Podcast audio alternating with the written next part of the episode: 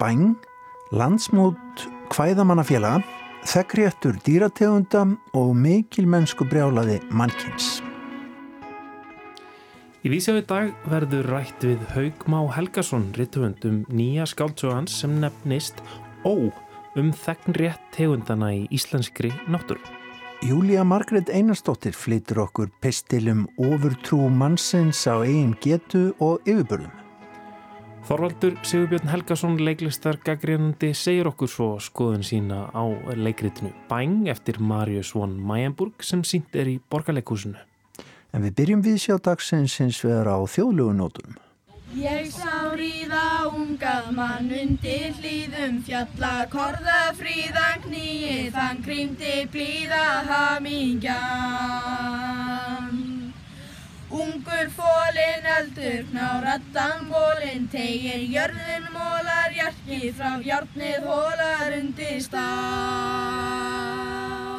Þarna heyrum við upptöku sem var gerð á um síðustu helgi á Svalbarströnd þar sem að framfór landsmót hvæðamanna. Þarna eru, já, ungi hvæðamenn að störfum, skulum við segja. Eh, við ætlum að forvittnast um þetta starf allt saman. Hingaður komnar Kristín Lárustóttir og Bára Grímstóttir, velkonar. Þið voru þarna fyrir norðan og hvaða unga fólk var þetta sem við hefðum í hérna til að byrja með? Þetta voru tveir ungir hvæðamenn, vikingur og kolfina og Íðandi skinninu að fá að hveða? Já, þau voru svo spennt þegar ég spurði hvort ég mætti að taka upp á myndband Já. og þau voru mjög spennt fyrir því og, og bara jákvæð og þau sem sagt um, eru af tröllaskaðanum hafa sjálf bara haft svo mikið áhuga og sóst eftir að læra rimnarkvæðskap og, og svo er hún Svanfrýr Ingemyndadóttir sem hefur um, svolítið tekið þau undir sinn verndavang og er að kenna þeim og leipina og færðu bara heim til sín og... Hún er hérna í hvaðamannafélaginu Rými á á Tröllaska Já, það er ansivirt félag þar já. núna Sko, bara hvernig hérna, fyrirkomulag er á landsmóti hvæðamanna? Þannig að fólk kannski hafa nú fæstir hlustendur okkar farið á slík mót Já, uh, þetta er eindir fólk á öllum aldri sem að kemur saman hvaðan að var landinu mm. Yfirleitt eh, byrjar þetta förstaskvöldi mm. með tónleikum, hvaða tónleikum og þá koma fram félagar úr öllum uh, hvaðamannafélagunum og, og hveða bara blandað efni sem er hveða efni eftir sjálfa sig mm -hmm. og aðri eru halda sig við lagbóðana eða, eða svona gömul hvæði og rýmur og, fleira en í ár þá voru tónleikar líka á fymtudegi mm. og, og þeir tónleikandi voru á Akureyri og við vorum með gæsti frá Noregi sem að kváðu og sungu. Er það skildhefð, heyriði það? Já, það er nefnilega, skildhefð. Það var einn hvaða konu sem var svo með námskeið. Það er alltaf námskeið á lögadeginum, allan lögadegin, á öllum eins og landsmótum mm.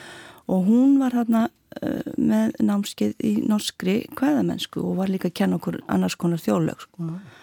Og hvernig er það fyrir og, ykkur sem áhuga konur um þetta og, og sko að heyra eitthvað frá Norri? Er það eitthvað Er það eitthvað sem að, hvað var að segja, nærir ykkar áhuga á þessu? Sannarlega, það getur alltaf á sér blómi bætt og það er alltaf gaman að heyra eitthvað svona nýtt sko.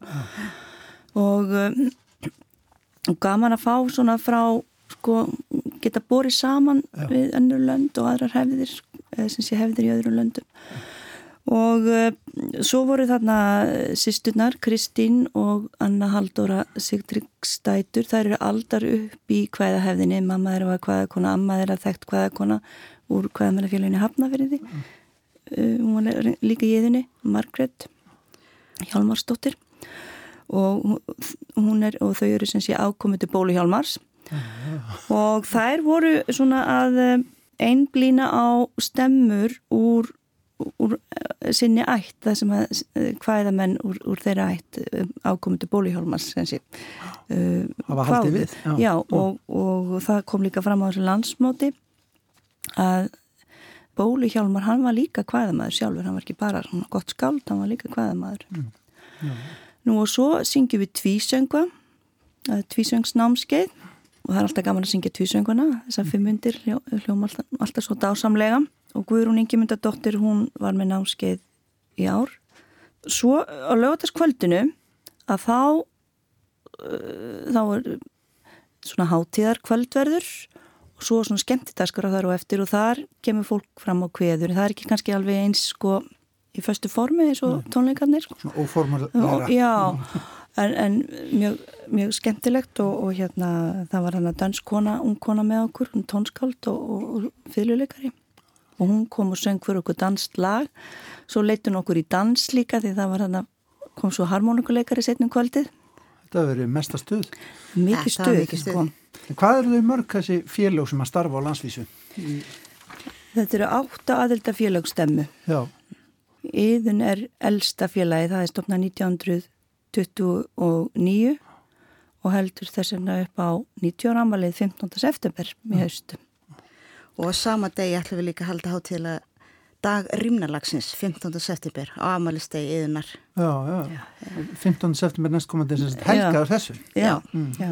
Sko... En, en hérna svo ég haldi nú aðeins áfram með aðeldafélagin, það eru þannig þrjú á Norðurlandinu, mm.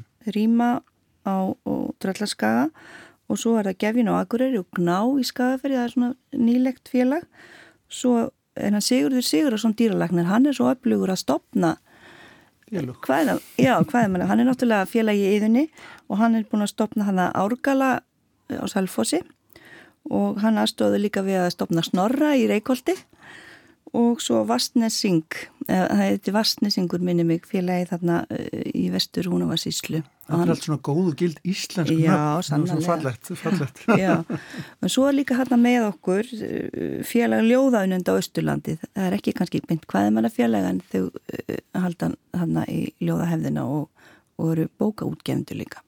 Nú veit ég að þið báðar svo sem þið hérna látið þess að hefð runni næra ykkar annað tónlistarstarf, er það ekki Kristín, nú er þú sko seluleikari og ráftónlistamadur og hitt og þetta, er þetta hvernig sko spilar þetta saman inn í aðra já, sköpun?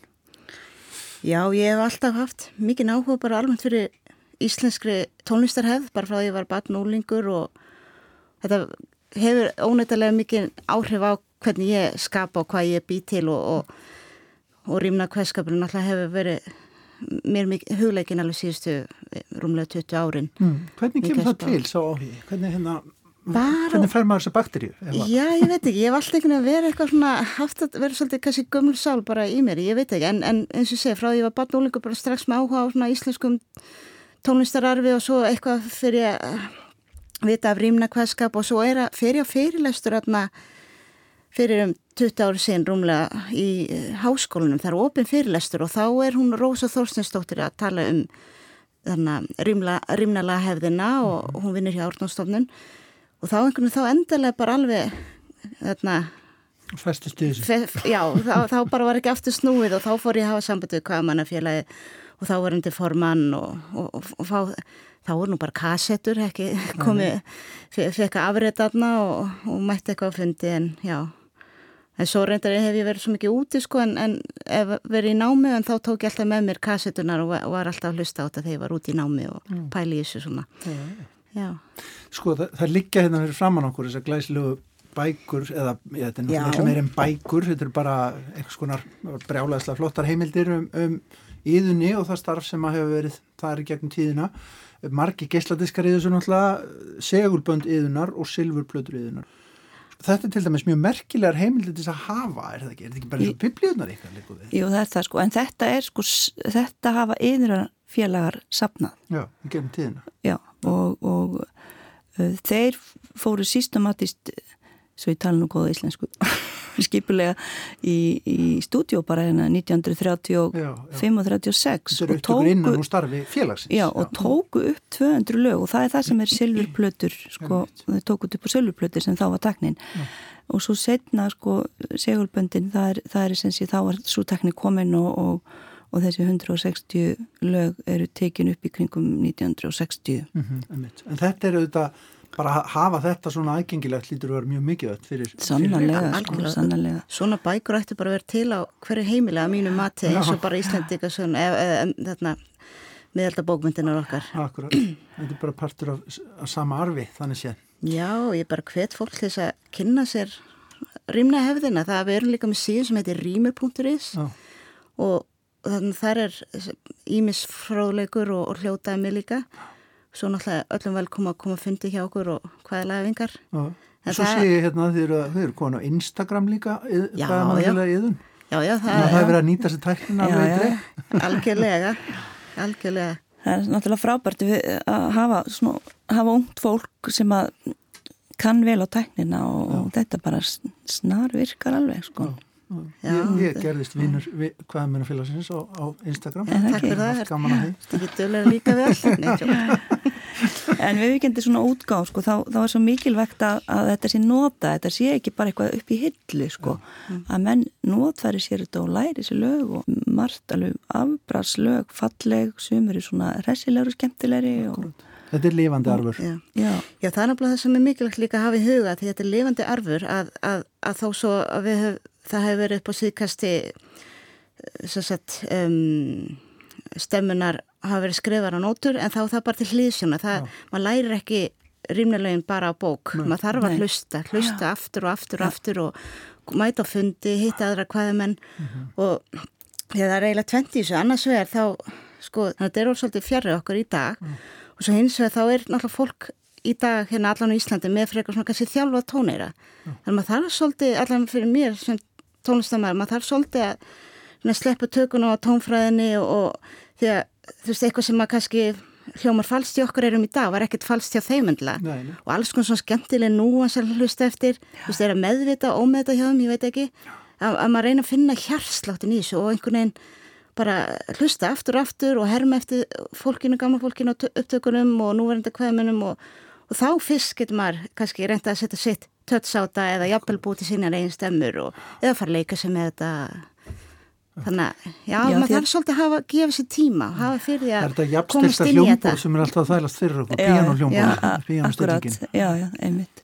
Ég veit eru líka að reyna að svona veikja aðtikli inn í skólakerfinu og fá, fá kennar með eitthvað lið, eða ekki? Jú, partur af þessu að, að, eh, breyða út bóðskapin Þetta er bóðskapin eh, við Ragnar Ingi Aðarstinsson við erum að eh, vinna saman námsefni og, og höldum námskeið fyrir kennara núnum helgina í, í foldaskóla þetta er fyrir, hugsað fyrir tónlistakennara og tónlistakennara og íslenskur kennara eða bara alla sem hafa áhuga á þessu Já.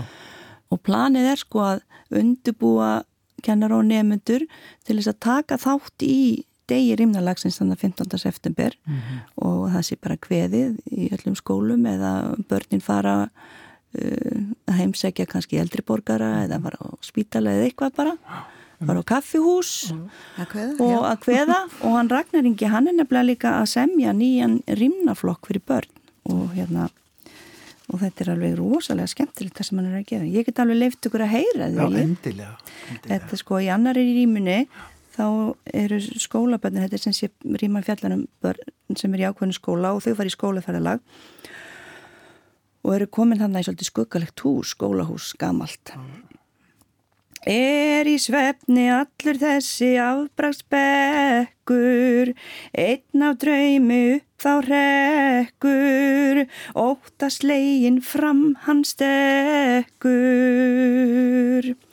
Er þá sem af yllum röttum óm hann heyri, ærslins gerast en þá meiri, upp upp á svefni vakna fleiri.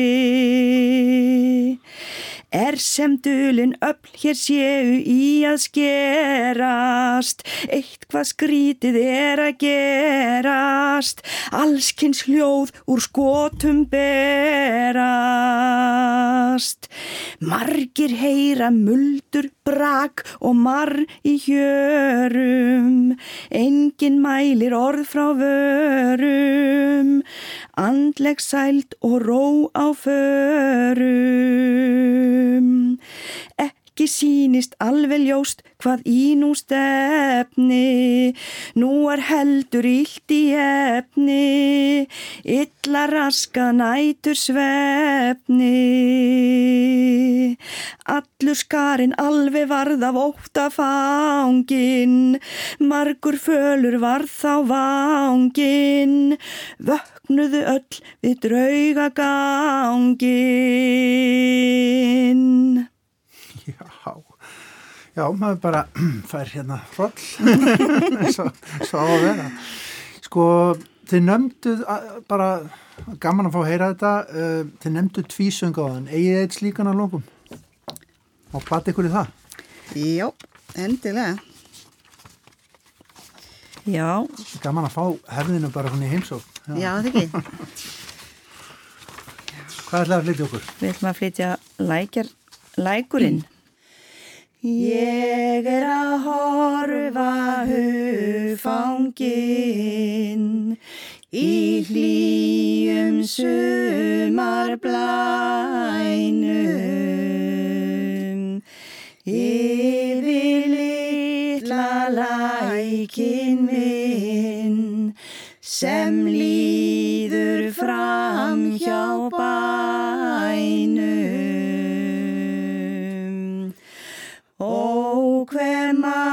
marga æsku stund áður hér ég dvaldi Saklaus barn með léttalund og leggina mína taldi. Þegar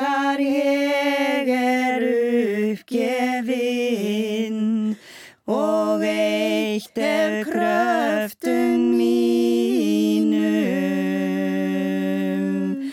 Langar mig í sísta sinn að sopna á bökkum þínum.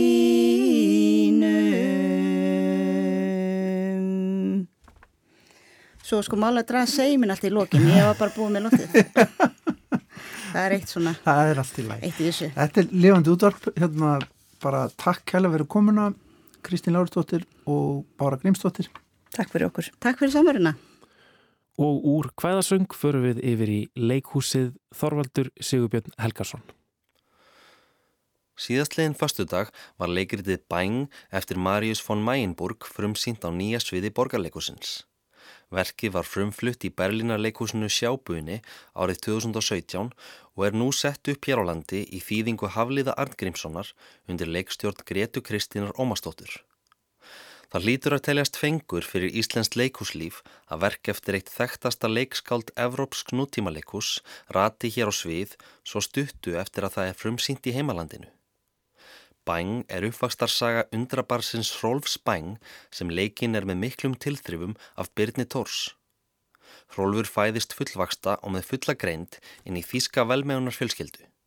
Fóreldrar hans eru Viktoria, leikin af Brynildi Guðjónsdóttur sem rekur atkvarf fyrir konur sem lent hafa í heimilisofbeldi og Dominík, leikin af Hirti Jóhanni Jónssoni sem er forstjóri eldústækja framleiðendans Bangu Stæjó. Með hjálp fóreldra sinna og fjölda annara persóna tekur Rolfur til við að segja söguna af fyrstu árum æfisinnar. Þeim er svo fyllt eftir við hvert fótmál að kvikmyndagerðamanninum Tómasi, leikin af Davíð Þór Katrinarsinni, sem tekur upp atbyrjar á sinna fyrir einhvers konar heimildarmynd eða raunveruleika þátt um fjölskylduna. Rolfur Bæng er bæði fluggáhaður og gjörsamlega ósvífin, eins og kemur í ljós strax við fæðingu þegar hann viðurkennir að hafa vísvitandi kyrt tvíbjörnsistur sína í móðurkviði. Hann híkar ekki við að trafka á öllum þeim sem í vegi hans verða og skiptir þar engu hvort um er að reða ókunnuga eða hans nánustu. Þrátt fyrir að vera aðeins barnað aldri stjórnar Rolfur heimili sínu eins og einræðisherra, talar niður til foreldra sinna og áreitir bæði barnfóstru sína og móður kynferðislega. Bæng er hápolítist verk en höfundurinn, þíska leikskáldið Marius von Mayenburg, segist hafa byrjað að skrifa það í kjölfar bandarísku fórsetakostningana árið 2016 og lýsir því sem eins konar ofnæmisviðbröðum við kjöri Donald Trumps. Rolfur Bæng minnir að mörguleiti á Trump en þeim síðarenda hefur einmitt oft verið líst sem eins konar ofvöksnu barni. Barni sem er jáfnframt einn valdamesti maður hins vestrana heims.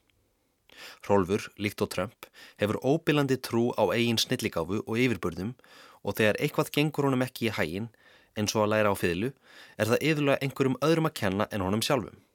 Í því tilviki fiðlukennara hans sem hann slær annað augað úr í hemdarskinni en harneitar svo sög. Fóreldrar Rolfs láta allt undan honum og íta undir mikilmennsku brjálaði svonar síns með því að tönlast í sífellu á því hversu einstakur hann sé. Í föðurnum Dominík hefur Rolfur slæma fyrirmynd í samskiptum sínum við konur sem minnir um margt á misfögur ummæli bandrækjaforsettans um hitt kynið. Dominík beitir Glódísi, barnfóstur Rolfs, kynferðisleiri áreitni en kennir henni svo um að það var dreyið sig á tálar og hótar að reka hanna. Rólfur hegðar sér á svipaðan hátt og gortar sér til dæmis af því að geta káfað á konum eins og honum sínist í skjóli þess að vera barn. Samlíkingarnar við Trump halda áfram í sviðsetningu verksins og ná hábúndi sínum þegar Rólfur fer í frambóð á móti móður sinni sem klættir í bláa Hillary Clinton drakt um titilin Miss Universe. Trump samanburðurinn er skemmtilegur framanaf en þarna í lokin verður hann aðeins of augljós og endurtekningasamur. Það er vandasamt verk að setja á svið jafn politist afdráttarlaust leikrit og bæng er á okkar tímum. Hættan er svo að með því að líkja of nákamlega eftir því sem það reynir að gaggrina, í þessu tilviki hægri öfgapolítík og upprænandi innræðisherra, verði listaverkið einfallega að umrætum hlut. Ef hlutverk satírunar er að afhjúpa það sem hún skopstælir, má Janfrand spyrja hvort hún fall ekki um sig sjálfa þegar skotspót grínsins afhjúpar sjálfan sig óumbeðin á hverjum degi með umælum sínum í fjölmiðlum og á samfélagsmiðlum án nokkura sjáanlegra afleðinga. Listræni stjórnendur bæng hafa gert sitt besta til að aðlaga þetta verk að íslenskum raunveruleika og íta þar með undir pólitískan bóðskap þess til dæmis með tilvísunum í íslenska samtímapolítík og stuttum myndbrotum af nýlegum lögreglu aðgerðum gegn mótmælendum. Þessar vísanir eru velhæfnaðar og þarfar en þó eru þær of smávægilegar til að megna að setja leikriti sjálft í nýtt samhengi. Þá er stærsti galli uppsetningarinnar sennilega sá að ádeilaverksins missir bitið einmitt á þeim stöðum þar sem hann á að vera hver beittust. Leikstíl og umgjörð sviðsetningarinnar valda því að grótesk hálsádela Mariusar von Mæinborgs er á tímum smættuð neyður í nánast farsakenda skópstælingu. Viðbröð áhorfenda voru eftir því en margir hverjir skelltu þeir upp úr á óþægilegustu augnablikum síningarinnar og virtist það fyrst og fremst vera viðbröð við skrýpalátum leikarana. Sviðsetning verksins er vissulega vönduð. Leikmynd Barkar Jónssonar og búningar Efu Signíjar Berger ná vel að fanga stemminguna á þýska velmegunar heimili bængfjölskyldunar. Leikmyndin samanstendur af nokkrum endurraðanlegum einingum sem virka líkt og einhvers konar sambland af IKEA-arkitektur og legokupum og er hún mjög vel nýtt af leikurunum sem endurraða henni á milli sena með hjálp nokkur á sviðsmanna. Leikararnir skila jamframt hlutverkum sínum flestir vel. Björn Tórs er sannfærandi sem ofvaksna barnið þrólfur bæng og það er ískikilegt að fylgjast með fullortnum karlmanni spranga um sviðið í klætur samfellu, leikandi fullkomlega eftir reyfingar unga bars. Brynhildur Guðjónsdóttir og Hjörtur Jóhann Jónsson í hlutverki Fóreldrar Rolfs ná vel utanum þversögnina að vera á sama tíma verndarar og fornalöfum skrimslisins. Þá bregða Katrín Haldur og Sigurðardóttir og Haldur Gilvason sér í fjölmörg skemmtileg hlutverk en þó er synd að sjá hvað einvíðsum þeirra eru. Bæng er að mörguleiti sterksýning og kraftmikill teksti Maríusar von Mænburgs skila sér vel í vandæri þýðingu Hafliða Arngrímssonar. Sýningin skilur þó eftir ymsar spurningar og ákveðin óþægindi í huga undirittas sem ekki er skýrt hvort að stafi af leiktekstanum eða uppsetningunum. Þetta saði Þorvaldur Sigurbjörn Helgason leiklistar gaggrinandi viðsjár um bæn í borgarleikusinu.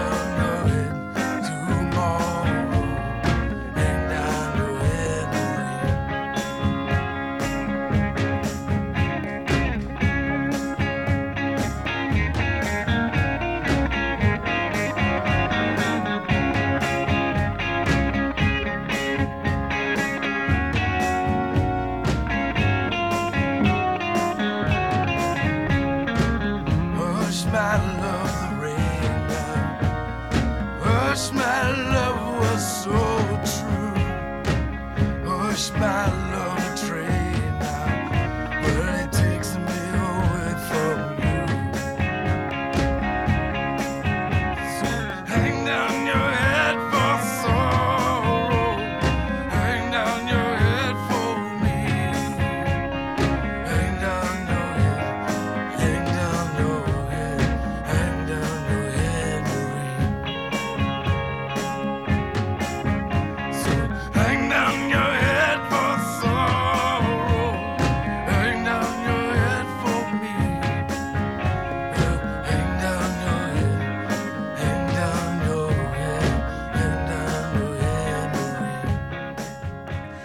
ætlum við að fá nýja rött hér í Víðsjá. Júlia Margret Einarstóttir er hingað komin með pistil. Hún ætlar eitthvað að fjalla um oftrú mannsins á eigin getu. Leggjum við hlustir. Þegar ég var um fjögur ára gömul uppgötaði ég að ég var merkilegri en annað fólk. Ég held líka að enginn sæi heiminn eins og ég og að Jésu byggi í hátiskirkju og að enginn eitti jafn nánu sambandi við hann og ég. Um sveipa leiti komst ég að þeirri illa ígrundu niðurstöðum sjálfa mig að ég var besta óperusöngkona þessa heims.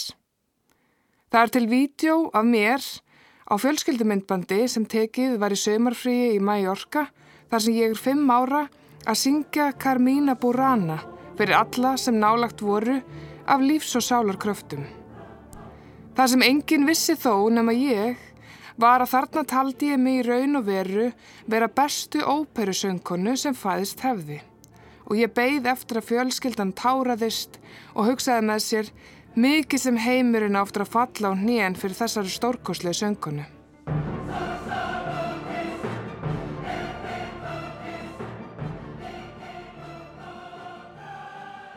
Í dag er ég ámóta laglaus og ég var þá. En ég reyni ekki lengur að pína aðra til að hlýða á mig fara með óperur. Ég komst að því að ég er ekki góð óperusönguna, að Jésu er líklega ekki með fasta búsetu í hátiskirkju og að ég á kvorki í aðra sambandi við hann nýja heiminn en flestir aðrir. Ég er svo sem ekki ómerkilegri en annað fólk, þó ég sé óneitanlega síri söngkona en tölvert margir. En þetta mikilvænsku brjálaði var ekki nema barnsleg blekking sjálfsveitundar sem sér sig í ofstórum spekli. Snilligáfa mín takmarkast við það að tilheyra spendýri sem kannski óheppilega eftir á að hyggja var bóðið í partíð á jörðinni, tók það gjörsamlega yfir með tilherrandi ruttaskap og eðileggingu og er á góðri leið með að gera úta við nágrannanna og kveika í húsinu á þennum orðnar. Allt því að við eigum til að finnast við vera mikilvægari og betri en allir aðrir. Þó ég hefi blessunarlega vaksið upp úr mínu mikilmennsku brjálaði, hef ég orðið vör við það að það er ekki óalgeng ránkugmynd hjá fólki að standa í þeirri trú, tímabundið eður ei, að þau sem einstaklingar séu hafinn yfir aðra. Margir telli sér klárari en allt annað fólk, að þau hafi fundið sannleika sem mikilvægt er að pretika yfir öðrum og trúa á mikilvægi þess að fá annað fólk á hnén fyrir mikilfengleika sínum. Svona ránkugmyndir um persónlega yfirbyrði leggjast misvel í samferða fólk þeirra sem vex aldrei upp úr þeim. Margir lenda í því að sjá vinum sínum fækka þegar hugmyndirnar verða hávarari, færri vilja setja nálat þeim í gleðskap og bóðum í slík fækkar. Hættulegra er þó í einhverjum tilvikum hinn típan sem tekst að fá fjöldan til að sannfarast um yfirbörði sína, sérstaklega þegar hún er meðvitað að reyna að ná valdi yfir öðru fólki á fölskum forsendum og beitir til þess blekkingum. Þegar að fólk fylgir liði á bak miklum leiðtógum og treystir þeim í blindni eru afleggingarnar stundum blóðugar. Á svipum tíma og ég var að gangi gegnum óperutímabilið heyrði ég æfintýrið um hænungan Topplittla. Toppurlittli uppgötaði að heiminin væri að rinja. Hvernig viss hann það? Jú, að einn sögn sá hann það með augunum, heyrði það með eirunum og brotur himninum datt á stjelið ánum. Líklega var toppur bara að finna fyrir regndrópum í fyrsta skipti en hænunganum varði ekki um sel.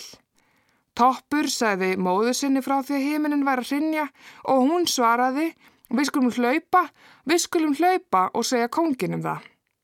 Toppur litla hetja sapnaði liði á leiðsinni á fund konungs til að tilkynna honum að heiminin væri að rinja. Og það var alveg sama hvað toppur hitti í leiðsinna konungi, allir voru sammala um að nú var best að hlaupa og segja konginum fréttinnar. Loks hittu þau aðilann sem hafði svariði áhyggjunum og lofaði að leiða þau áfram til að komast til boss í ráðgátunum heiminin. En Tófan vildi alls ekki segja konginum það. Tófan sagði, við skulum hlaupa, við skulum hlaupa einn inn í grenið mitt. Flokkurinn sem í góðri trú eldi Tófuna í grenið fór ekki í fleiri leiðangra á sinnæfi. Margir leiðtógar sem hafa lotið traust samfyrrafólks til að leiða þau í áttahennu mikla sannleika, líkt og tófan saðist ætla að gera, hafa endað á að valda skafa á þeim sem í krafti fjöldans réttu þeim keflið og fjölda annara í leiðinni. Valdagræðki einstakra leiðtóga hefur ítrekað í gegnum mannkinsöguna kosta miljónum manns lífið. Hægt er að nefna nöfn eins og Adolf Hitler, Jósef Stalin og Assad til þess að gefa hugmyndum hver mikið blóðbað illa innrættir leðtógar geta skilið eftir sig. Nú blasir einni við að yfirgengileg græðki mannsins er að skilja eftir sér stór sár á jörðinni líka og það fyrir að verða ofseint að setja hana plástur. Stuttu eftir að mínu skeiði sem litlu barni með guðakomplexa laug, þá byrjaði ég að leita að öðru fólki til að tilbyðja. Á unglingsaldri vildu til dæmis allir hljóta blessun frá vinsalistu stelpunni í skólanum og fá að vera í báðslistanum í hennar ammali. Ég var þar engin undantekning. Á veggjunum í úlíkaherberginu mínu hengu myndir af frægu fólki sem ég á vissum að væri betri en jafnvel vinsalastelpan. Og líkt og margir þá er ég enn einlegur aðdándi ímisa listamanna, það hefur ekkert breyst. Ég er til dæmis enn að jafna mig á því að Patti Smith rósaði pilsi vinkonu minnar þegar þær hittust fyrir nokkrum árum. Skemsti frá því að segja að pilsið hefur verið rammað inn. Patti hefur þó held ég ekki hyggju að nýta sér valdið sem fælst í því að fólk borgar miklar fjárhæðir fyrir að fá að vera í návist hennar til að stjórna okkur hinnum. Hún hefur haft í nægu að snúast, að skrifa bækur, semja tónlist, njóta þess að horfa á norranna sakamálaþætti og drekka svart kaffi eins og hann segir sjálf frá í bókum sínum til að nenna að vera einhver einráður. En í heiminum hafa verið til menn og eru enn sem hafa ólíkt patti lagt sér fram við að sannfara aðra um yfirbörði sína, sömur til að nýta sér vald sitt til íls, aðrir mögulega einlægri trúsinni á mikilvægi sitt. Eitt þessara manna sem flestir þekkja og Haldur Lagsnes kallaði Jón í brauðhúsum í stórkosleiri smásögu sinni, bóðaði náunga kærleika, breyti vatni í vín og átti sér hóp fylgisveina á meia sem gretu þegar hann var dæmdur til krossfestingar. Örlug hans eru grátin enn. Annar maður gekk tölvert fyrr um götur aðhennuborgar og tók samferðamenn sína tali. Þóttist vera fróðleiksfús og vita fátt en hafði helst í hyggju að spæla þá með útrúsnúningum og orðaleikum til að sína þeim fram á þau vissu ekki neitt. Að minnstakosti ekki jafn mikið og hann. Sókrates átti stóran fylgjendahóp ungra sveina og margir telja að hann hafi þrátt fyrir aldur sinna þá staðrind að hann átti konu átti kynferðislega sambandi við suma fylgjenda sinna. Hann var látin drekka eitur fyrir villutrú en heimsbyggi hans lifir. Lítil gifstitt af Sókratesi sem keift var í aðhennu prýðir jafnvel glukkakistu þeirrar sem þetta skrifar. Ég á mjög kláran kött. Reyndar á ég tvo ketti, þau Dulsini og Jónstúart og bæði eru þau tí ára gömul og að mínu mati stórkoslega gáfuð. Kísurna mínar eigða mestum tíma inni en stundum halda þau í leiðangur, aldrei þó lengra en í gardana í kring. Kettinni mínir eru bráðgáfaðir, sem kettir, en þau veit ekki neitt um trúabröð. Þau veit ekkert um stríð, annað en taugastríð kísana í hverfinu, þau hafa líklega ekki velt fyrir sér tilur heimsins eða sköpunarsögunni. Til þess er skinnjun þeirra of takmörkuð. Hún er takmörku við þann heim sem þau skinnja með skinnfærum sínum sem næri ekki mikið lengra en næsti garður. En þó að skinnjunin takmarkist við þá staðrind að þau eru kettir, eru ágætist líkur á að þau séu betur að sér um heiminn en til dæmis ávakstaflögan sem lifur ekki nými örfa á daga. Líkt á kötturinn er maðurinn svo annað spendýr sem býr yfir þeirri visku sem við gerum en þekking okkar á umhverfi okkar takmarkast við skinnjun okkar á heiminum. Við lifum ekkert svo lengi, við höfum ekki lengi verið til og vitum alls ekki allt. Til að setja hlutina í samhengi er verðt að minna á að sem dýrategund höfum við verða jörðinni í kringum 315.000 ár á meðan aldur jarðarinnar er um 4,5 miljard ára. Maðurinn hefur því ekki gengið um jörðina nefn í brota brota af þeim tíma sem hún hefur verið til, en samt teljum við mörg okkur fær um að skilja henn mikla sannleika um heiminn. En með þessari trú höfum við tekið okkur ákveði guðavaldi við henni og komum fram við hann af óverðingu eins og einn versti partísóði Vannverðingu sem verðist með áframhaldinu geta tortímt mannkinni. Friedrich Nietzsche var eitt þeirra sem virðist hafa verið haldinn fyrir ránkugmynd að hann væri öðru fólki æðri og vitrari. Það sem Nietzsche gerði þó líka var að grafa undan þessum bjargföstu kenningum sem ganga allar út á að sannleikur hafi undirstöður í heilugum sannleika. Þessar undirstöðir eru nefnilega stundum kallar guð. Stundum er það lögumál sem smíður þeirra mönnum sem fullir að svo að þau séu starri og merkilegri en maðurinn sjálfur. Um viðleitni mannsins til að telja sig vita um allt í heiminum, saði Nietzsche. Í einhverjum afskektum kema, í óendanlegu flæði alheimsins, var eitt sinn stjarnar, þar sem skinnsum dýr fund upp þekkinguna. Það var dramblátasta og lignasta mínúta heimsögunar og samt ekki nema ein mínúta. Mannsugurinn hefur nefnilega ekkert aðra hlutverk sem nær út fyrir jarneska tilvist hans. Það er ekkert vittlaust eða dramblátt að mínu viti að trúa á Guð eða marga Guði. Ég fagna því að ymsir hafi fundið tilvist okkar aðri tilgangi heilugum anda, að fólk vinni frið, kærleika og hugaró í trúsinni. Ég skal síst fullir það um það hverin eilifi sannleikur er eða hvort hann er til og skal fyrst geta hatti minn þegar hann líkst upp fyrir mér og einhver af þeim guðum sem ég hef lesið um kemur skokkandi þegar æfidegi mínum líkur og annarkort býðir mér í paradís eða refsar mér fyrir þessar evasamtir hér og sendir mér til vítis. Allt er þetta gott og blessað. En ef fólk notar ólíkar skoðanir og almættinu til að réttlæta blóðsútællingar er trúin og guð orðin skadleg. Að sama skapi er það þegar fólk notar tömlösa trú sín á yfirbyrði mannkynns til að réttlæta stórhættuleg náttúruspjöll að trúin okkar á yfirbyrði okkar verður skadaleg líka. En fyrir hverjum eigum við þá ney okkur ef ekki guði eða öðru fólki? Í kringum okkur er ímislegt til sem er eldra og öflugra en mannkynnið. Já, hér má til dæmis nefna sólina, sólkerfið, stjörnunar á heimninum, svartól, stjörnuþókur og plánutur, allt sem við sjáum, það sem við sjáum ekki. Plánutur eins og jörðin okkar. Jörðin sem er um það byl 4,5 miljardar ára gömul. Jörðin hýsir mennina, steipirreiði, löndin, fjöllin, sjóin, krókódíla, kísur. Hún hýsti forfeður okkar, hún hýsti risaðilur. Jörðin mann þegar lífið kviknaði fyrst á jörðinni og jörðin er líklega að upplifa dramblátustu mínútu í sögulífs á jörðinni. En ef jörðin urrar tilbaka á okkur eða þær kynnslóðir manna sem á eftir okkur koma fyrir vannverðingu okkar sem allt þykjumst vita, þá er lítið sem við getum gert til að byggjast væðar. Það er líka þráttur allt alls ekkert vist að það sé nefn hinu megin sem langar að bjóða þessu sóðarlega mannkynni í sitt heimaparti eftir að jörðin rekur okkur út sagði Júlia Margret Einarstóttir. Hún mun eitthvað fleiti okkur pistla hér í viðsjá næstu vekurnar en áfram ætlum við að huga að manninum og náttúrunni. Kannist þið við þetta hljóð, kæru hlustendur? Ekki neitt. Ójæja. Það er kannski skiljanlegt, þetta er ekki fugglategund sem við könnumst við hér úr nær umhverju okkar úr íslenskri náttúru. Nei, þetta er hinn ástrálski kasúi, stór fuggl af ætt kvísl strútfuggla og stundum talinn hættulegasti fuggl heims, enda bæði afar sterkur með miklar klær og árásakjarn.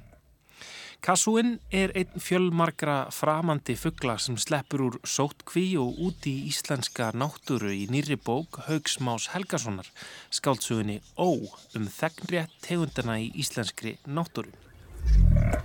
Bókin fjallar um örverufræðingin Ónatan sem situr í óformlegri yfirheyslu hjá lauruglunni.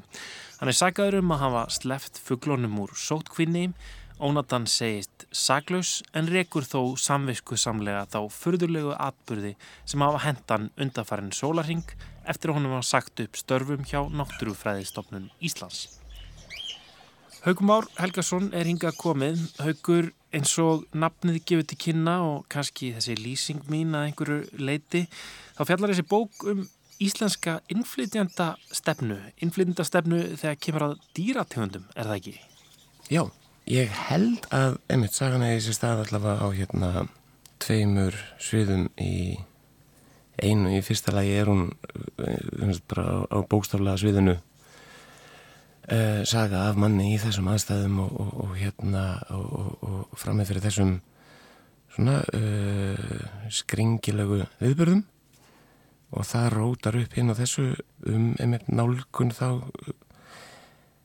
stjórnsýslu og annara á, á íslenska náttúru sem stjórnsýslu einingu sem er svona smá komedía kannski sem við erum að líta á þetta sem uh, anstæðupur, ekki bara náttúru og menningu heldur að þú ætlar að leita því sem væri anstæðast náttúrunni þá er það kannski bjúrokratíja en svo er náttúran líka viðfónsefni bjúrokratíu og, og mjög rækilega. Þannig að það er hérna svona, svona sagan er, er, er jafnvel hérna að mest að gerast sko akkurat þar. En auðvitað er síðan einhver allegóri að þannig líka uh, svona allavega í ákveðnum atriðum. Stærri atriðum, já. Þú átt við að, að hérna hugmyndin okkar um náttúruna og um íslenska náttúru, það er ekki eitthvað sem er svona óumdelt og við þurfum að stýra því rosalega mikið að, til, til þess að haldinni eins og við ímyndum okkur á hún eigi að vera og í þessu tilviki þá eru þarna erlendir fugglar sem eru farinir að órenga þessa hugmynd okkar um íslensku náttúruna. Já, já og hérna og þetta eru nokkrar stopnannir á fjárlögum sem hafa það hlutverk að e, snirta e, íslenska náttúru til eins og, eins og maður snirtir runna stuði, út frá einmitt svo litið kannski ferkandari hugmynd e, svo ferkandaður runni sem á á margt sem komur óvart þarna sko, hérna þegar ég fór að skoða þannig að ég hef ekki byrjins leiðið við þessu viðfánsefni gefnum tíðan, ég er meira að vera að við kannski hefbundari pólitísk viðfánsefni í sjálfu sér. Mm -hmm. en, en hérna en núna margar góðar ástæður til að velta fyrir sér bara hvaða hugmyndum um náttúru uh, við fáumst við og ræktum og, og, og, og berjumst fyrir jábel þess vegna og hér hefur það leiður rosalega mikið hérna í loftinu. Þegar það er rætt um náttúru þá kemur þetta íslenska fórskiti íslensk náttúru mm -hmm, ég heyri þetta ekki mikið á öðrum málum. Það heyri ekki mikið American Nature. Það, nema þá verður þetta að tala um kannski sko eðli bandarskra persóna eða samfélags. Mm -hmm. en, en, en hérna uh, en þetta er svolítið forvinnilegt ástand ákveð hérna og, og, og, og það hugtak verðist styðja við ákveðna stýringu sem að á, sem miðar við sko það sem Bjarni og Egert Ólafsson fundu á landinu 1750 að þá vinna semst, íslenski lífræðingar eftir því viðmiði og það verður svona lína sem er reynisandin að þær tegundur sem fundust hér 1750 þær eru native, þær eru uh, sagt, uh, íslenskar en þær tegundir sem voru ekki hér þá en finnast setna eru uh, framandi í náttúrunni. Og um framandin tegundir gildir sko mjög hörð pólisí komur ósláð óvar þá eru 2012 þegar ég heyri frétt sem að er þarna í, í bókina þessu unni út frá sko eh, að, að hérna og virtist einhver, einhver hérna, starfsmæður náttúrufæðistofnunar það var mætti viðtal í útvarpinu held ég. Og fullirt að, að semst, vegna þess að kanínur varu farnar að lifa af veturinn hérna á Íslandi þá mætti nú líta svo á að þær hefðu áðunni sér þeggrétt í íslenski náttúru uh, daginn eftir held ég að verið sem bæði fórsíð á morgunblæsins og fréttablasins eru lagðar undir sko, stóra fyrirsagnir frá fórstjóra náttúrufræðistofnunar ja. um að kanínun hafi ekki þeggrétt í íslenski náttúru og það var beitt orðfæri eins og sko að henni berið að útrýma. Og þessi harka, þessi ofsala harka í garð þessara mjúku sætu dýra uh, satt svolítið í mér sko hvaðan hérna, hvar þetta væri upprunnið og, og, og hvort hugsanlega einhverja hliðstæður stýrðu þá sjónamiðum í öðrum málum. Mm -hmm. Segja, að þurfa að stýra svona mikið. Hvað er hérna og hvað ekki? Einmitt.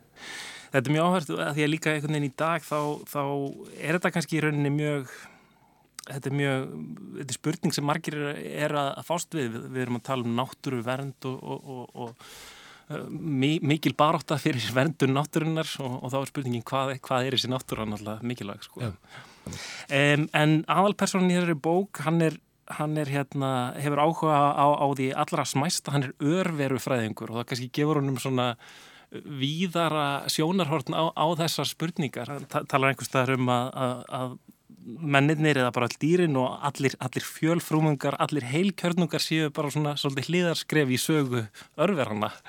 Það er stóra sammingið. Já, það er stóra sammingið og, og, og eftir þannig þetta er svo rosalega vítt svið og það er alveg hérna uh, maður gerir ekki þó ég hef unnið að bókinu og hríð þá rétt klóra maður í yfirborðað á stórkoslegum uppgötunum sem er búið að gera á, á, á síðustu árum og áratugum Einn er þessi að, að hérna svona í þróunasögu lífsins þá lítur út fyrir í dag að við öll hérna við, við heilkjörnungarnir við, fjölfrömmungarnir séum uh, eiginlega dítill í sögu örfura sem að, að búa að miklu meiri erðafræðilegum fjölbreytileika. Og það er markvallt meiri erðafræðilegur fjölbreytileiki í sko bakteríunum í þínum eigin skrokki en í mannkinu öllu. Uh, miklu fjölskrúður að DNA sem þú burðast með dag frá degi hérna, eh, sem er ekki þú og, og það er bara dýrðilegar sko, dýrðilegir heimar sem opnast þarna sem er að, að vinna úr á ótalvegu. Fyrir mér þarna við einmitt mótum þessa karakters og þessar sögu þá var þetta gaglit upp að bara fá svona einmitt skref út fyrir náttúruna eins og við skiljum hana frá deildags og koma svolítið aftan að húttakinu. Mm -hmm. Ymmitt. Þetta er áhagvert. Um, mér langar að nefna þess líka formið á þessari uh, sögu. Um, þú ert heimsbyggjumentaður og, og hefur starfað sem bladamæður og þetta form, þetta er, þetta er eiginlega samtalsform en þetta er yfirheysla og þetta er náttúrulega þekkt úr, úr sögu heimsbyggjunar er, er, er samræðan svona hefð síkilda form þar sem hugmyndir eru setta fram og, og bladamenn kannast náttúrulega þetta að hvernig maður á að setja upp setja upp viðtöl sem maður tekur með spurning og svari hérna, en þetta er yfirhæsla hjá lauruglunni hvað, hérna, af hverju langaði það að vinna með þetta form? Það er góð spurning. Um, það eru er ákveðna speiklanir þannig að sko, yfirhæsla formið, ég, ég, ég man ekki einu svona eftir því sem sko ákförðun, það var til þessi díalógur uh, frekast nefna í ferlinu og hérna og ég held að það hafi kannski meira haft að gera með sko jáfnveil rýmið uh, að bókin er að fást við sko það að vera lokaður inn og að vera lokaður úti.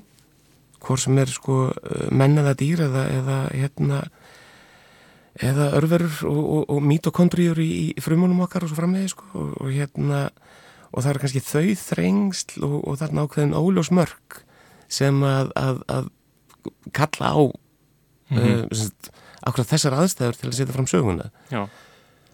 síðan gerist það einhverjum tímapunkti ég er búin að skrifa helling af texta sem að er sko einmitt spurning svar, spurning svar og, og hérna uh, og sé fyrir mér að það sé er unni draft og ég sé að fara að vinna hefðbunari sko prósa upp úr því en fatta bara hennu ég, ég bara má hafa þetta svona Já. ég þarf ekki að hérna, ég þarf ekki að bæta einn ítarleiri umhverfislýsingum koma fram í málið þegar að tvekja ég get nota þá sem vagna fyrir frásagnir sko jafnvel stóra útrútúra smá svona sagnaflokk þá er það ekki, ekki sko íbröðar mikill að þá bara leifa sér svona hérna uh, að nota þúsund og einnótt formið líka í aðstæðan þar sem þeir eru læstir inn og þeir eru báðið til að kaupa sér tíma. Nein, og hérna þannig já, það, það er margt sem spilar inn í en, en, en hérna dialogurum var taldið þetta uh, þeir skiptist á að svara þetta er tvíratað fyrst og fremst.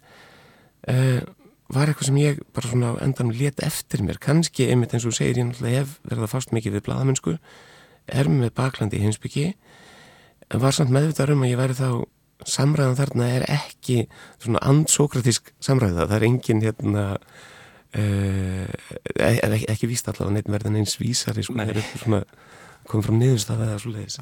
En yfirheyslan er náttúrulega líka annars konar uh, forma því að það er ákveð valda ójafvægi sem er, er bara byggt inn í yfirhæsluna sem form. Að, að það er einhver sem er lauruglumadurinn sem er að reyna að verða einhvers vísari. Já, já, og, og, og, og hinnum ber að svara einhvern veginn.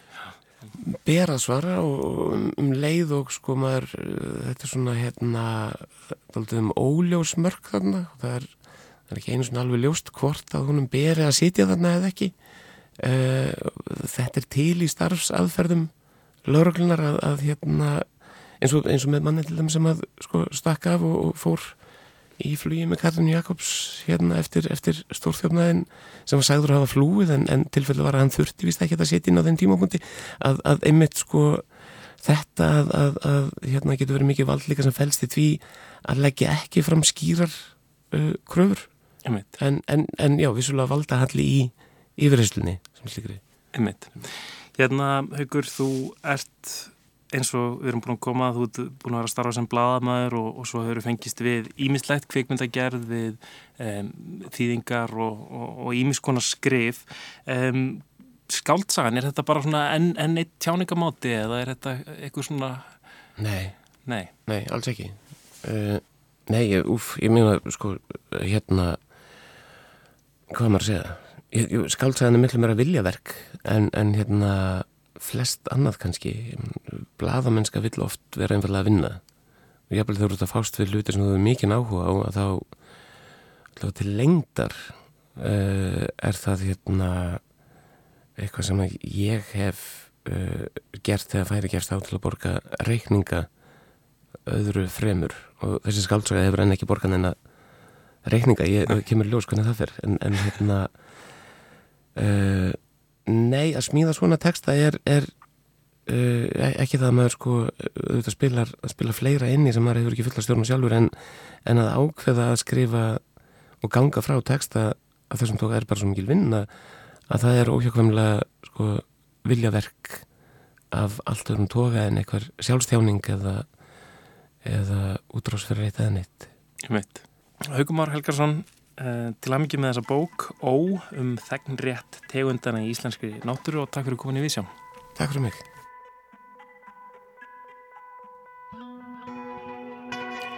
Og þannig líkur við sjá í dag. Við erum búin að fara um viðan völl bókmyndir, leikhús, kvæðamenn og mikilmennsku brjálaði, svo eitthvað sem nefnd Já, við bendum á það að við verðum hér aftur á dagskrá eftir helgina á þriðjödag með næsta vísjáþátt Við erum hins vegar með úrval úr eila síðustu, já þessari viku og síðustu viku, núna á sunnundaginn klukkan tvö, þannig að það erum ekki að leggja hlustir þá. Og svo er þetta hægt að benda á menningarvef ríkisútvarsins það sem að mikið á okkar efni fer inn. Og fullt af öðru spennandi efni. Rúf.is, skástrygg, menning. Takk kærlega fyrir að vera með okkur í dag, verið sæl. Verið sæl.